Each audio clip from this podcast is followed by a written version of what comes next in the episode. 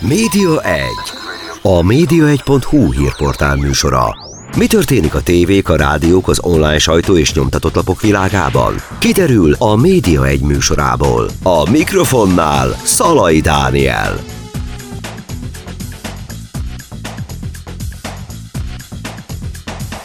Köszöntöm Önöket, ez itt a Média egy. Emlékeznek még arra, hogy egy évvel ezelőtt Gyurica Péter itt volt velem a Média egyben, most újra itt van. Egy évvel ezelőtt azzal váltunk el a beszélgetésünket, azzal zártuk le, amikor is ugye megjelent egyébként egy másik könyve Gyurica Péternek, ami a közbeszéd stílusáról szólt, ez ugye most megint aktuális egyébként. Szóval ő, azzal engedtük el, azzal zártuk le azt a beszélgetést, hogy mind dolgozik, és elárulta Péter, hogy egy könyvet ír. Nos, elkészült az új könyv. Ebből az alkalomból köszöntelek Péter itt a stúdióba. Jó napot kívánok, én is szervusz. A könyv címe A Györfi. Hát kell ennél több? Azt hiszem ezzel is mondtunk mindent, mehetünk is haza. Köszönjük szépen. Hát, viszont látásra. Tehát Györfi Miklósról fogunk egy kicsit beszélgetni, aki egyébként a Kodolányi János Egyetem kommunikációs tanszékvezető docense volt, és egyben a médiatanszék megalapítója, aki 76 évesen hunyt el, 2020 tavasszán áprilisban hunyt el. Miért kell róla könyvet írni? Tehát mi volt az, a, ami miatt Györfi Miklós élete úgy igazán érdekes a számunkra a mai napig is, és aztán majd a jövő generáció számára is. Imádok dokumentálni.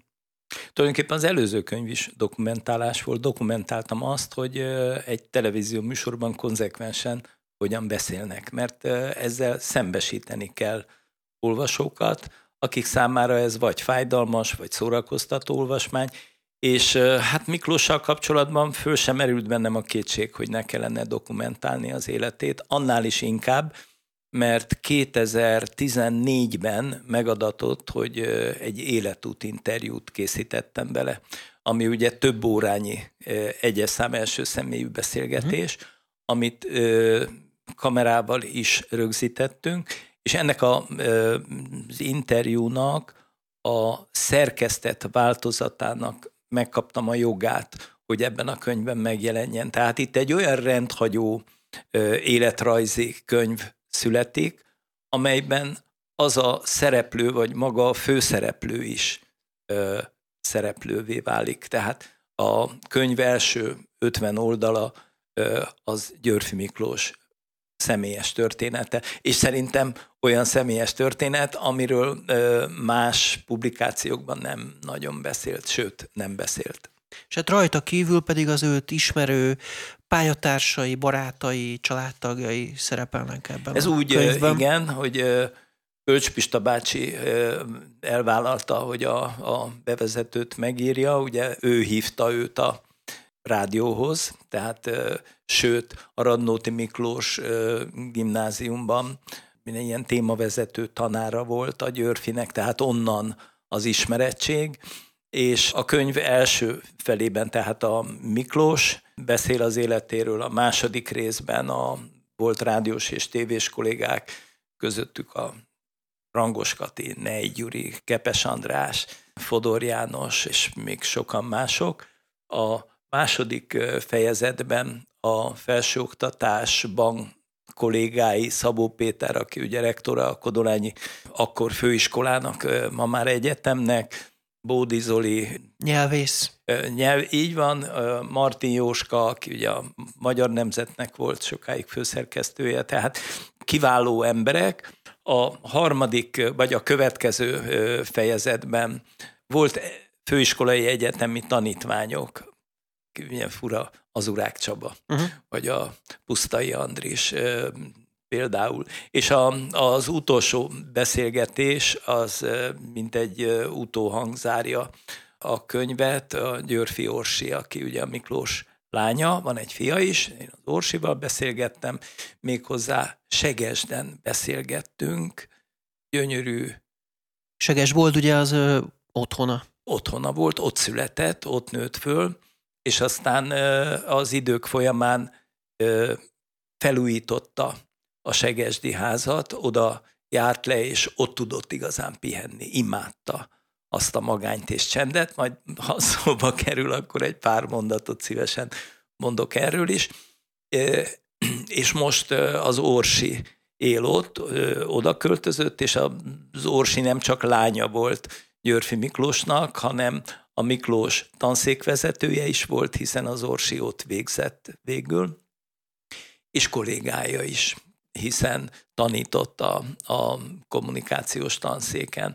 Tehát bőven volt apropó, ami miatt beszélgettünk. És ami ugye már ilyen személyes, hiszen Miklós a Covid idején hunyt el, tehát nem volt mód arra, hogy a temetésén ö, sokan részt vegyenek, ö, de örültem, hogy a Miklós kertjében az Orsi vágott néhány szál virágot, és azt kivittük a a sírjára, és jelképesen letettük, tehát fejet hajthattam a Miklós előtt és a Miklós sírja előtt. Ugye a könyvben van is jó sok kép Miklós életéről, egészen a kezdetektől, tehát gyerekkori képek is itt vannak benne.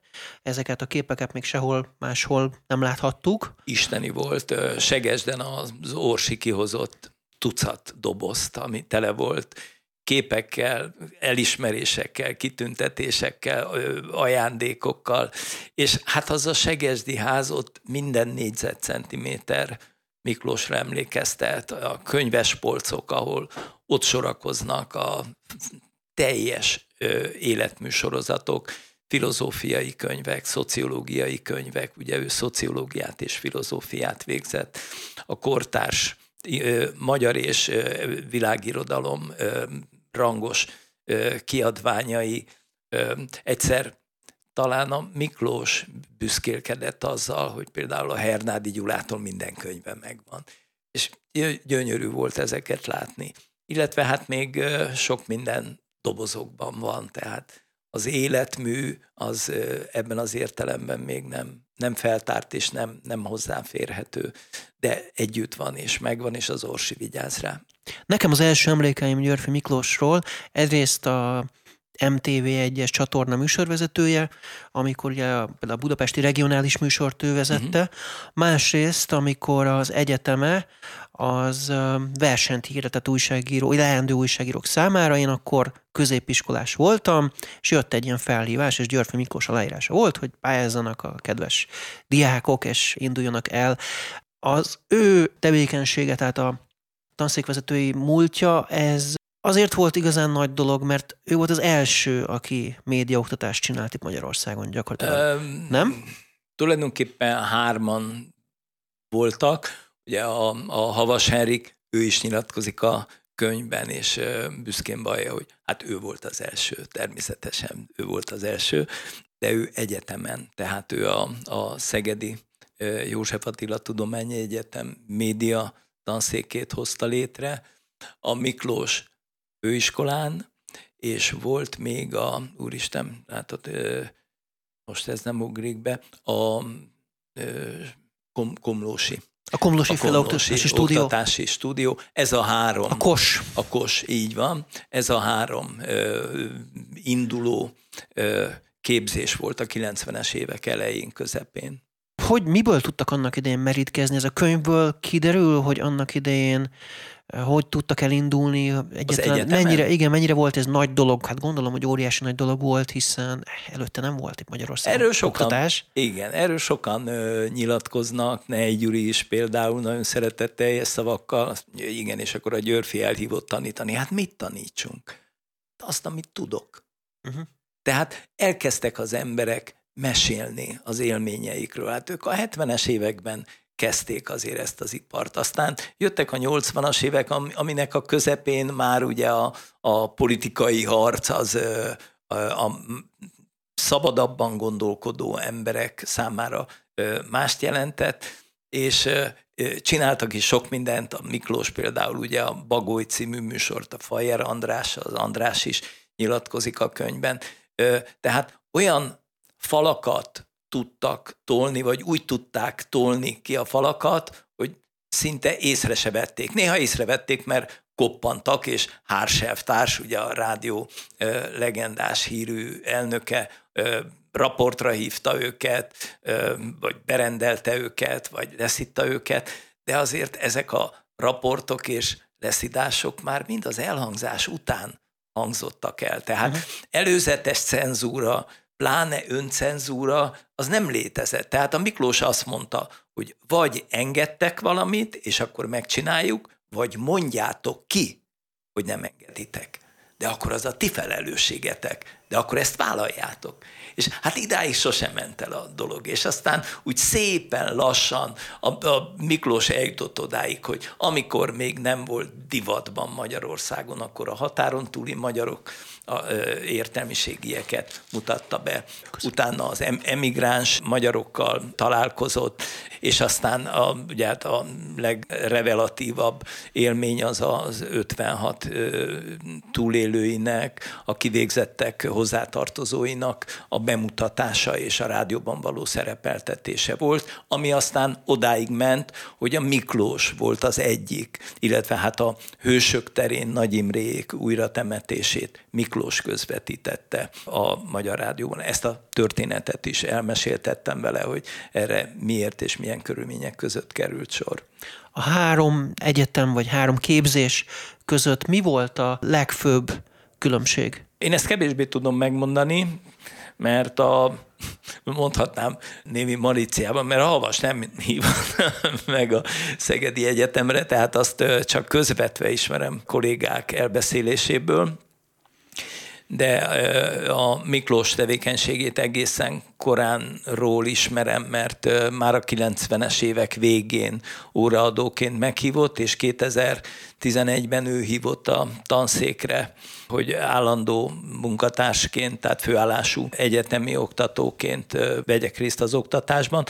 A Komlósi néha meghívott, tehát ott tartottam néha előadást, tehát nem tudok exakt különbséget tenni, mert nagyon közvetett és nagyon felszínes benyomásom van a másik két intézményről, és nem is akarnék pálcát törni, de mindenhonnan, mind a három helyről kerültek ki ma nagyon jó nevű újságírók, és szerintem ez a lényeg. Tehát mind, mindhárman, vagy mindhárom intézményben fölismerték, hogy a rendszerváltás után szükség van arra, egyrészt, hogy a média kiteljesedjen, tehát már ne csak egy Kossuth Rádió legyen, meg egy MTV legyen, és hogy ezen belül is különböző profilok alakulhassanak ki. Tehát legyen, aki kiváló sportriporter, legyen, aki kiváló belpolitikai riporter. Az előbb láttam itt az egyik üvegablak mögött az Eldézsi Zolit,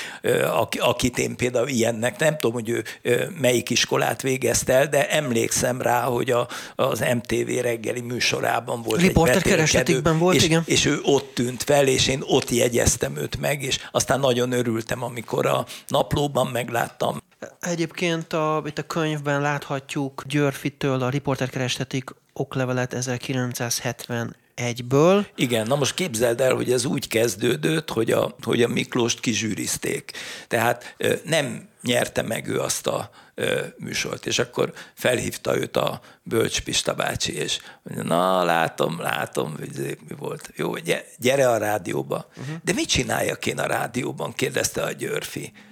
Azt mondja, Hát pillanatnyilag a krónikánál van hely. Mi az a krónika? kérdezte a Györfi teljes joggal. És akkor mondta, hogy kapcsolt be a rádiót, és hallgassd meg. Meghallgatta a Györfi, elborzadt, és mondta, hogy most szivatsz? Pista bácsi, szivatsz? Ez, ez, honnan gondolod, hogy én ezt fogom tudni?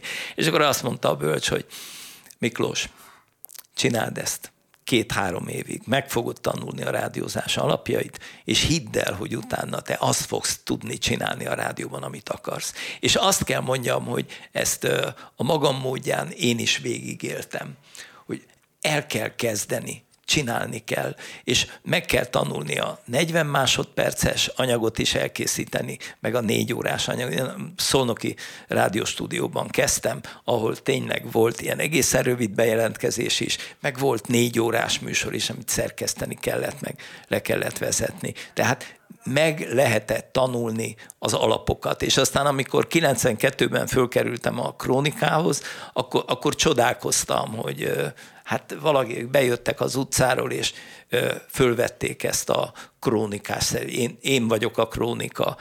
És hát persze értettem is, de tudtam, hogy nem tudnak semmit. A könyvben látjuk az útlevelét is, Aha. és eléggé tele van, tehát azt jelenti, hogy ő egy nagyon nagy világjáró volt, nagy Imádott utazó volt. utazni, és hát ebben van egy, egy ilyen misztikus dolog is, hogy a, akit igazán barátjának tartotta az a Rangos Kati és a Szénási Sanyi. És a Szénási Sanyival mondhatnám némi túlzással, hogy tucatszor járt Egyiptomban. Akkor, amikor még nem volt divat Egyip- Egyiptomba járni. A Lengyel Zsolt, aki itt is rendez, vagy az ATV-ben is rendez, ő is időnként csatlakozott hozzájuk, és a Kákosi professzorékat akkor fedezték fel, és mutatták be. Tehát mindig készítettek valami rádiós, vagy később tévés anyagot is, de évről évre eljártak Egyiptomba, mert egyszerűen ez a szenvedélyükké vált, imádták. Uh-huh. És persze sok más helyen is jártak, Nyugat-Európában, ugye azt mondtam, hogy az emigráns magyarokkal Londonban, Franciaországban, a Miklós készített interjút, ugye egyet nem sikerült elkészíteni Szabó Zoltánnal, amit nagyon szeretett volna Miklós megcsinálni, és ö, már már igent is mondott volna a Szabó Zoltán, de mire a Magyar Rádió engedélyt adott, hogy kiutazom Franciaországba, akkor a Szabó meghalt.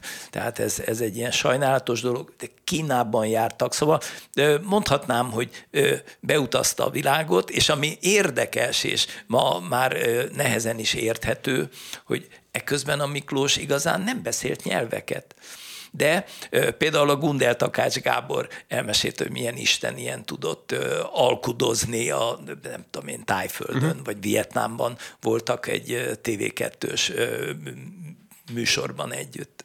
Uh-huh. Az előbb már említettem, hogy a Budapesti Regionális műsornak hogy ő volt a műsorvezetője. Mi volt a legjellemzőbb műsor, ami, ami őt igazán sikeressé tette, ami, ami az ismertséget meghozta számára? Szerintem bár Varga Laci eredményeit nem szeretném kisebbíteni, aki kitalálta és megcsinálhatta a regionális műsort, ő is emlékezik a könyvben. És többen elmondták ezt, rá is kérdeztem, hogy a Miklós nem annyira televíziósnak tekintették, mint inkább rádiósnak. Uh-huh. Tehát a Miklósnak volt valami hang, egy olyan orgánuma, ami, ami fantasztikus. Ez az egyik. A másik, hogy a Miklós úgy tudott fogalmazni a mikrofon, mikrofon mögött, ahogy a hétköznapi életben beszélt. Tehát nem volt egy, egy, egy mesterkélt, egy előre kimunkált műsorvezetői szöveg, amikor ő megszólalt, hanem képes volt arra, rendelkezett ezzel a ritka képességgel, hogy nyomdakészen fogalmazott a, a mikrofon mögött. Tehát én szerintem nagyon sokan inkább a hangja alapján emlékeznek rá. Ha valaki a televízióból, televízióból emlékezik rá, akkor, akkor a, az elegáns öltözetére, a belőtt frizurájára, a szakállára, a szemüvegére, tehát erre, erre, erre a a fizimiskára emlékszik inkább. De akkor melyik volt a legfontosabb műsor végül is? Hát szerintem a gondolatjel. Gondolatjel? Gondolatjel. Azért mondom ezt, mert tulajdonképpen a gondolatjel ma is él. Már nélküle, meg Bölcs István, meg Szénási, meg Váradi Juli nélkül, de, de létezik. Most mindegy, hogy mit gondolunk rá. De például a Györfiről a gondolatjelben is megadatik beszélnem. Tehát ebből a szempontból ö, tiszteletre méltó ez legalábbis. Ö, a másik pedig a Bagoly című műsor volt, ami ugye a 80-as évek közepen, 85-86-ban indult, a rendszerváltásig tartott, és az, az, az, az egy releváns műsor. Tehát, hogyha olyan műsorokat kell mondani, amik hozzájárultak a rendszerváltáshoz, mert azért ez ugye evidencia, hogy a nyilvánosság és a nyilvánosságon belül abban az időben a Magyar Rádió volt, a, a, a, amelyik a zászlót vitte, és, és konkrétan segített a társadalmi változásban, utána persze a televízió is, akkor ezeket a műsorokat, a gondolatjelet, a 168 órát, a bagolyt mindenképpen meg kell említeni. Pici kis szünetet tartunk most, és aztán folytatjuk Gyurica Péterrel a Györfi című könyvet elemezzük, illetve Györfi Miklós életéről beszélgetünk. Maradjanak velünk, rögtön vissza. Média 1. A média1.hu hírportál műsora. Mi történik a tévék, a rádiók, az online sajtó és nyomtatott lapok világában? Kiderül a Média egy műsorából. A mikrofonnál Szalai Dániel.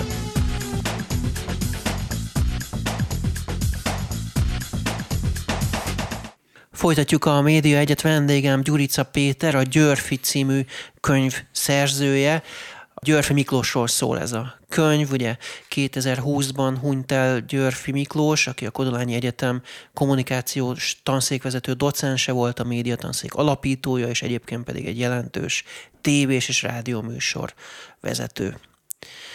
A könyvről már sok mindent mondtunk, de akkor menjünk végig úgy időben nagyjából a, az életén Györfinek. Honnan indult és hová nőtte ki magát? Az elejéről haladjunk szépen. Ugye 43-ban született, december 21-én. Hát akkor most van a születésnapja, ráadásul most lenne a születésnapja, ugye? Stalinnal azonos napon, zárója bezárva. Segesden született 43-ban, és 44-ben az a fura dolog történt, hogy az édesapját elvitték munkaszolgálatra. Innentől kezdve ugye egyedüli gyerek volt, az édesanyja és a nagymamája nevelte, ahogy mondani szoktuk, a széltül is óvták, tehát még focizni se engedték ki a kis Miklós, nehogy valami baja legyen.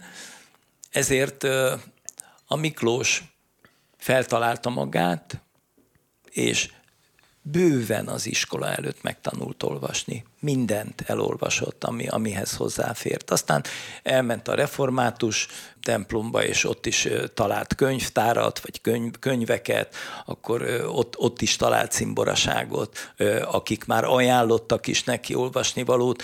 És ami igazán különleges, és mondanám, hogy film, filmekben látunk ilyet, hat éves volt, amikor kinyílt a, a Segesdi ház ajtaja, ott állt egy számára ismeretlen ember, és azt mondta, hogy én vagyok az édesapád. Hát uh-huh. ez, ez valami elképesztő. Visszakapta az édesapját? A... Visszakapta az édesapját, és innentől kezdve egészen különös cinkosság alakult ki, ugyanis az édesapja a Szovjetunióban szerzett tapasztalatait azért megosztotta ott a falubeliekkel, tehát konkrétan elmondta, hogy az, amit ott szocializmusnak neveznek, meg hogy épül, nyugodjatok meg, az nem épül. Ezek nem építik, hanem lopják azt a szocializmust. Tehát ott őt például arra kényszerítették, vagy tanították meg, hogy egy katonai zubbonyba hogyan lehet a legtöbb kenyeret elrejteni és ellopni. És akkor ugye ő is kapott egy, vagy, vagy egy veknit, vagy egy vekni véget. És hát 56 előtt is mentek a dumák a faluban, hogy majd jönnek, hogy jönnek a nyugatiak, meg az amerikaiak mindjárt itt lesznek, és, és mondta, hogy nem jönnek. Higgyétek, nem jön ide senki. Tehát Magyarország nem tétel a világ hatalmai számára. És akkor odasúgtam még a Miklósnak, hogy Miklós, erről azért az iskolában nem kell beszélni.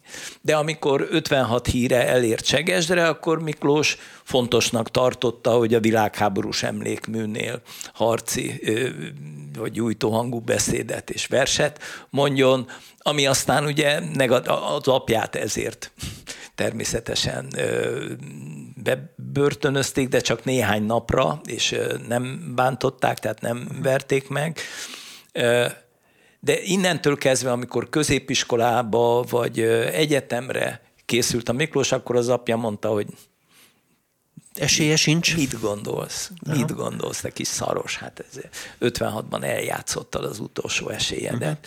De aztán a Miklós elég önfejű, elég bátor, és elég szerencsés volt ahhoz, hogy először ö, Sopronba került ö, erdészeti ö, iskolába, és Hát kérdeztem, Miklós, te gondoltad valaha is, hogy ilyen erdőmérnök, vagy erdőkerülő leszel? Mondta, ah, dehogy. De amikor elvégezte, akkor nagyon élvezte, hogy két fiatal lányt beosztottak mellé, és akkor ő volt a főnökük, és hát ez a helyzet rendkívül imponált Miklósnak. De aztán nagyon hamar... De hogy, hogyan tudott betörni ebbe a ebbe az egészbe, tehát hogy az oktatásban végül, miközben ugye próbálták őt távoltal tartani ettől az egésztől? Hát ennek a kulcsszava az, ami később is jellemzője lett, és szerintem végig kísérte, az a műveltség. Tehát az a humán műveltség, hogy, hogy mindent olvasott, minden megragadt a fejében, és mindenről tudott utána a hétköznapi életben beszélni, ami olvasmány élménye lett. És ugye jelentkezett filozófia szakra az eltére, amiről szintén mindenki úgy gondolta, hogy nem fogják fölvenni, hát csak azért is fölvették.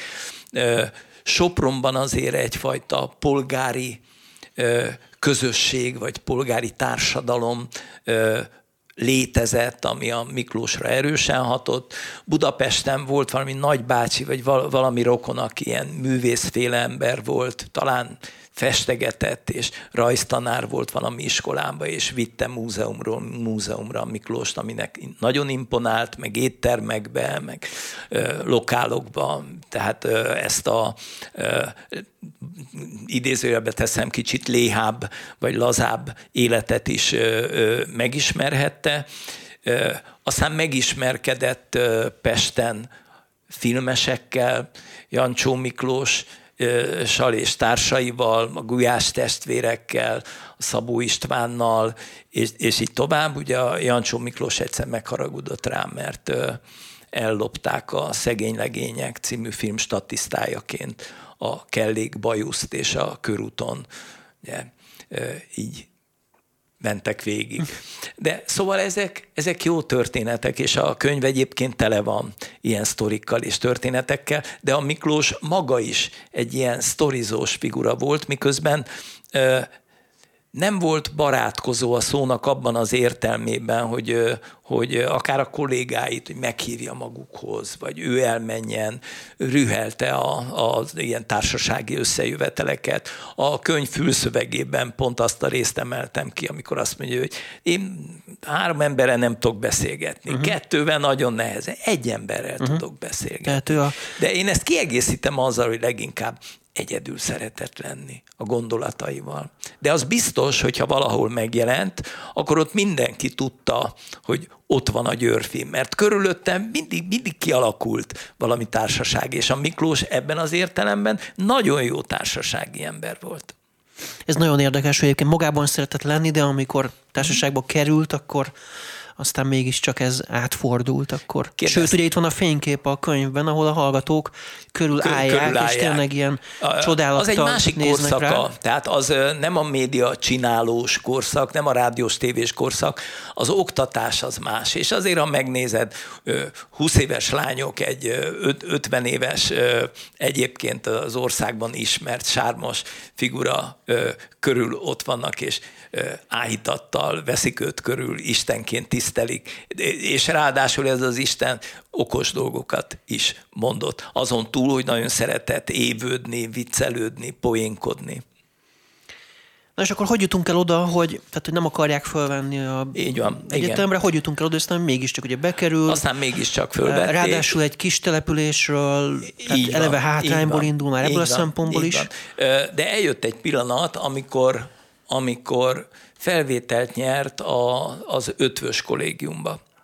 És akkor rá kellett döbbennie, hogy ő olvasott, olvasott elég sokat, de hát ez egész, ez valami egészen más. Tehát mondjuk Glac Ferenc mellett föl kell kötni a gatyát, hogyha valaki a Glacnak iskolatársa. Tehát ott kutya kemény világ köszöntött rá, de ő ezt élvezte, mert olvashatott. Tehát szívhatta magába a műveltséget. Uh-huh. És arról nem beszélve, hogy szoktam mondani, hogy nagyon szerencsés korban élt a Miklós. Tehát akkor kezdett például a szociológia a társadalmon vagy a hatalom számára elfogadható tudomány lenni és egy csomó szociológus ott barátja, ismerőse, évfolyamtársa volt a Miklósnak. Tehát amikor ő kijött az egyetemről, vagy amikor ő elkezdett rádiózni, akkor neki egy olyan telefonkönyve volt, amit bárki meg, megirigyelne Magyarországon. Aztán elvégezte a, a szociológia, a szociál, ez ugye a filozófia volt, amiről eddig beszéltem, tehát a filozófia szakot végezte el, ugye ott is volt egy, egy, egy váltás a filozófia oktatásban Magyarországon, de aztán jöttek a szociológusok, és ezeket az embereket később megszólaltatni, bemutatni valami egészen kivételes ajándéka a sorsnak. Segesden temették el, de az élete vége az Budapesten Az egy nagyon zajlott, ö, vagy az nehéz időszak töltötte. volt. Nekem személyesen van is lelki furdalásom.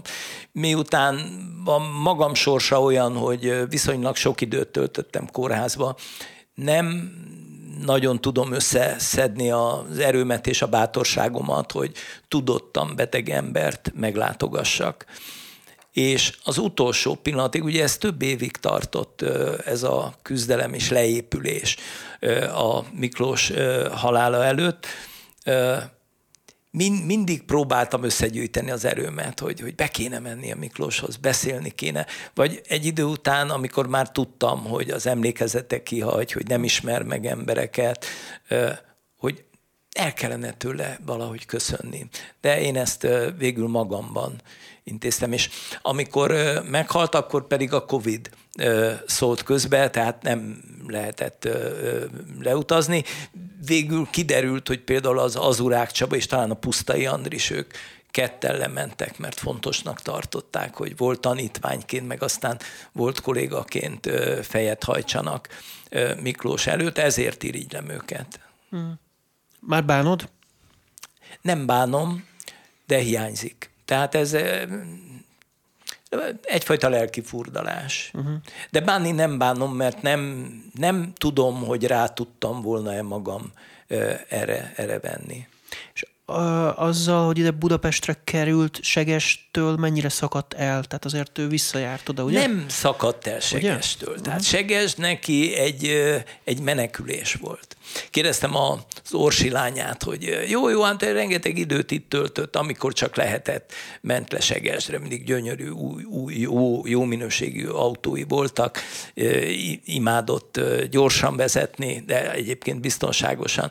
És Segesden Kérdeztem, hogy Orsi, mit csinált itt? Apát főzőcskézet, vagy házi munka, vagy a kert körül? Áh, mondta az Orsi, egy frász, dehogy is. Volt egy nyugágya, uh-huh. abba kiült a kertbe, és olvasott, és szemlélődött, és gondolkodott. Így aztán most kértem is az Orsit, hogy készítsen már egy felvételt a híres nyugágyról. Ez uh-huh. is belekerült a könyvbe. Igen, jó sok személyes dolog is van benne abszolút itt. A, vannak ö, egyébként ilyen elismerések, plecsnik. Hát ö, Abból is igen, szép azért ezek számban. közül egyrészt hadd mondjam, mert szerintem kevesen mondhatják el magukról, hogy a MUOSZ örökös tagja, uh-huh. hogy ö, ö, Budapestért díj kitüntetetje, tehát kapott a Miklós számos elismerést, és van egy különös kitüntetés, ez a bizonyos Pulitzer emlékdíj Magyarországon, Jubileumi díja azt írja, igen, hogy 92-ben alapították, de az alapítókiratban az szerepel, hogy aki tagja a Pulitzer díjat odaítélő bizottságnak, az nem kaphat Pulitzer díjat. Így a Miklós haláláig tagja volt a Pulitzer uh-huh. bizottságnak, és a Kepes Andris javasolta a halála után, hogy posztumusz ítéljék meg Miklósnak a Pulitzer díjat, hiszen már akár a legelső alkalommal méltó lett volna arra, hogy megkapja. Mert az, amit ő a, a mikrofon mögött képviselt, az erre predestinálja. Györfi Miklós, ugye, amikor az előbb mondtam, hogy a regionális műsoroknak volt például Mhm. a műsorvezetőjük, hogy a közszolgálati csatornának volt az egyik arca. Mennyiben volt más az ő idejében a közszolgálat, és mennyiben más ugye most, ez a könyvben is előkerül, erről ő maga is beszélt neked. Hát a mostanihoz nem lehet hasonlítani, tehát ez olyan, mintha a hangyát a bálnával akarnánk összehasonlítani. Tehát ma mondhatnám, hogy semmilyen értelemben, hogy a Györfi Miklósi kategóriák szerint nem lehet közszolgálatnak nevezni. Ehhez kétség nem fér. De a Miklós például a, a Bagoly című műsorban úgy adott instrukciót a riportereknek, hogy kiválasztottak egy témát, és azzal a témával kapcsolatban találtak három-négy embert, akik mást gondoltak arról a témáról, és azt mondta példáulNej Gyuri meséli ezt el, hogyNej Gyuri, nem kérdezel bele, nem vitatkozol vele, hagyod, hogy elmondja a véleményét. Három percet beszélhet. És ezeket a három perceket szerkesztették egymás mögé. És hogy ennek mi a, a fantasztikuma máról visszanézve? ez volt a, vita, mint műfaj elődje. Még nem egy asztalnál ültek a szereplők, de az ellentétes vélemények ebben a műsorban jelentek meg először markánsan. Hogy megkérdezték a, a püspököt, megkérdezték a, a politikai bizottság tagját, és megkérdezték mondjuk a civil embereket. Tehát ez ilyen értelemben maga volt a közszolgálat. Ma nem kérdeznek meg csak egy valakit. De ő még szembesült ezzel a mostani közmédiával is. Bosszankodott ezen? Csapkodta az asztalt, hogy ú, ez hogy lehet? Vagy hogy viszonyult ehhez Tudomásul a mai közmédiához? Vette. Tudomásul vette. Erről néha beszélgettünk amikor ugye a Miklós Lánc dohányos volt, és mindig, gyere, gyere, gyere gyújtsunk rá. De Miklós, én nem dohányzom. Nem baj, csak gyere. Tehát számára a dohányzás is a társ, társasági élet egyik szintere volt. És mondom, te Miklós, amit te itt tanítasz, a valóság ma nem ez az mondja, az egy dolog. De az újságírásnak vannak szabályai, és vannak alapjai. És mindegy, hogy valaki a bulvárban dolgozik, a jobboldali médiában, vagy a baloldali médiában, azt, hogy mi a hír, mindegyiknek egyformán kell, vagy kellene értelmeznie. Nincs jobb meg baloldali hír. Egy interjúnak vannak szabályai. A szerint kell eljárni, és így tovább az összes többi újságírói műfajjal kapcsolatban ezt a Miklós megtanította. És azt mondta, hogy ezt tudniuk kell a hallgatóknak, ez átadható, és hogy aztán mi lesz a gyakorlat, hogy ez visszatére oda, én nem hiszem, a, amit valamikor a közszolgálat jelentett, vagy a Györfi értelművet közszolgálat jelentett, hát az, az, az egy nagy kérdés. De ettől a műfai alapokat bele kell verni a hallgatók fejébe, mert azt tudni kell, és az megtanítható. De egyébként nem csak a közszolgálatról volt rossz véleménye a Miklósnak, hanem a kereskedelmi televíziózásról is, mert hát a gagyibagyit intellektuális ember volt. Tehát amikor ö, szerkesztettem a könyvet, és gondolkodtam, hogy kikkel lehetne beszélni, akkor bevillant egy kép, hogy évekkel ezelőtt láttam mintha láttam volna a Győrfit egy kereskedelmi televízióban, Vietnám mellett a tengeren ugye, ilyen süveghegyek vannak, és azok között.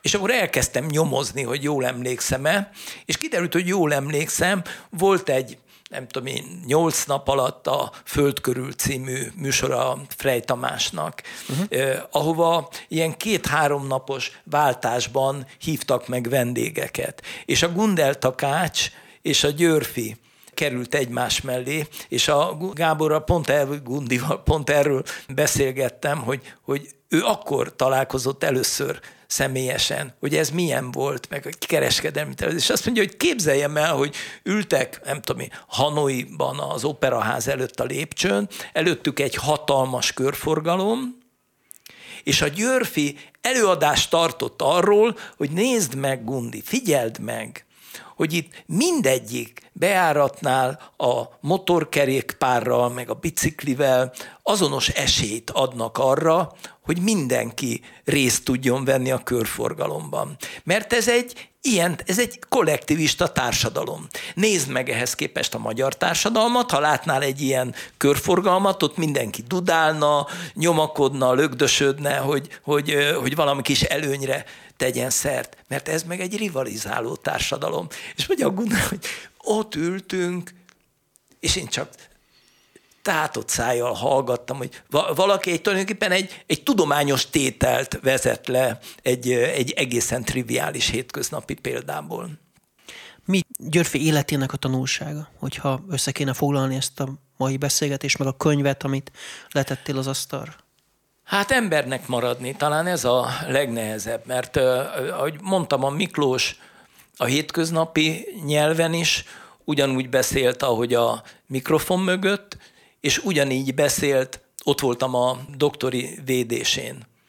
Ott is ugyanaz a szabadszájú Györfi Miklós volt, aki tulajdonképpen ezt, ezt meg a Kepes mondta el, hogy ezek a szerepek ott felcserélhetőek voltak. Hát a kepes doktoriána Györfi ugyanúgy ülhetett volna bíráló tanárként, vagy opponensként, mint ahogy a Színház és Filmművészeti Egyetem az Andrást kérte fel, hogy a Györfi dolgozatát bírálja el. Tehát, hogy ilyen értelemben konzekvensen embernek maradni. És a tanításban is ilyen volt a tanításban sem volt más. És azért örülök, mert mindaz a terület, amiket most én is itt szóba hoztam, személyes visszaemlékezéseken keresztül része a könyvnek. És barátaim, meg nem barátaim, de akik már vették a fáradtságot és visszajeleztek, hogy nem csak, hogy megvettem a könyvet, hanem elolvastam a könyvet. Van, aki azzal jelzett vissza, hogy itt tartok a könyv olvasásában. És és visszaigazolják ezt, amiről beszélek, és azt mondják, hogy azért veszélyes könyv, mert ha elkezded olvasni, akkor nehezen tudod abba hagyni. Hát ilyen jó élményt kívánok a hallgatóknak, és nagyon köszönöm, hogy itt lehettem. Még egy dolog csak a végére, hogy hogy látod, hogy szerinted ő inkább volt műsorvezető, vagy inkább volt egyébként egy tudományos ember? Tehát magyarán hol tett le nagyobbat az asztalra? Nem volt tudományos ember. Tehát például a rektornak, a Rangos Katinak nagyon komoly szerepe van abban, hogy rúdosták a Miklóst, hogy ezt a bizonyos tudományos doktori fokozatot, őt ez nem érdekelte. Megszerezte a doktori fokozatot, de én nem hallottam olyat, hogy valahol doktor Györfi Miklósként mutatták volna be, vagy mutatkozott volna be. Bemutatkozni biztos nem fordult vele ilyen elő.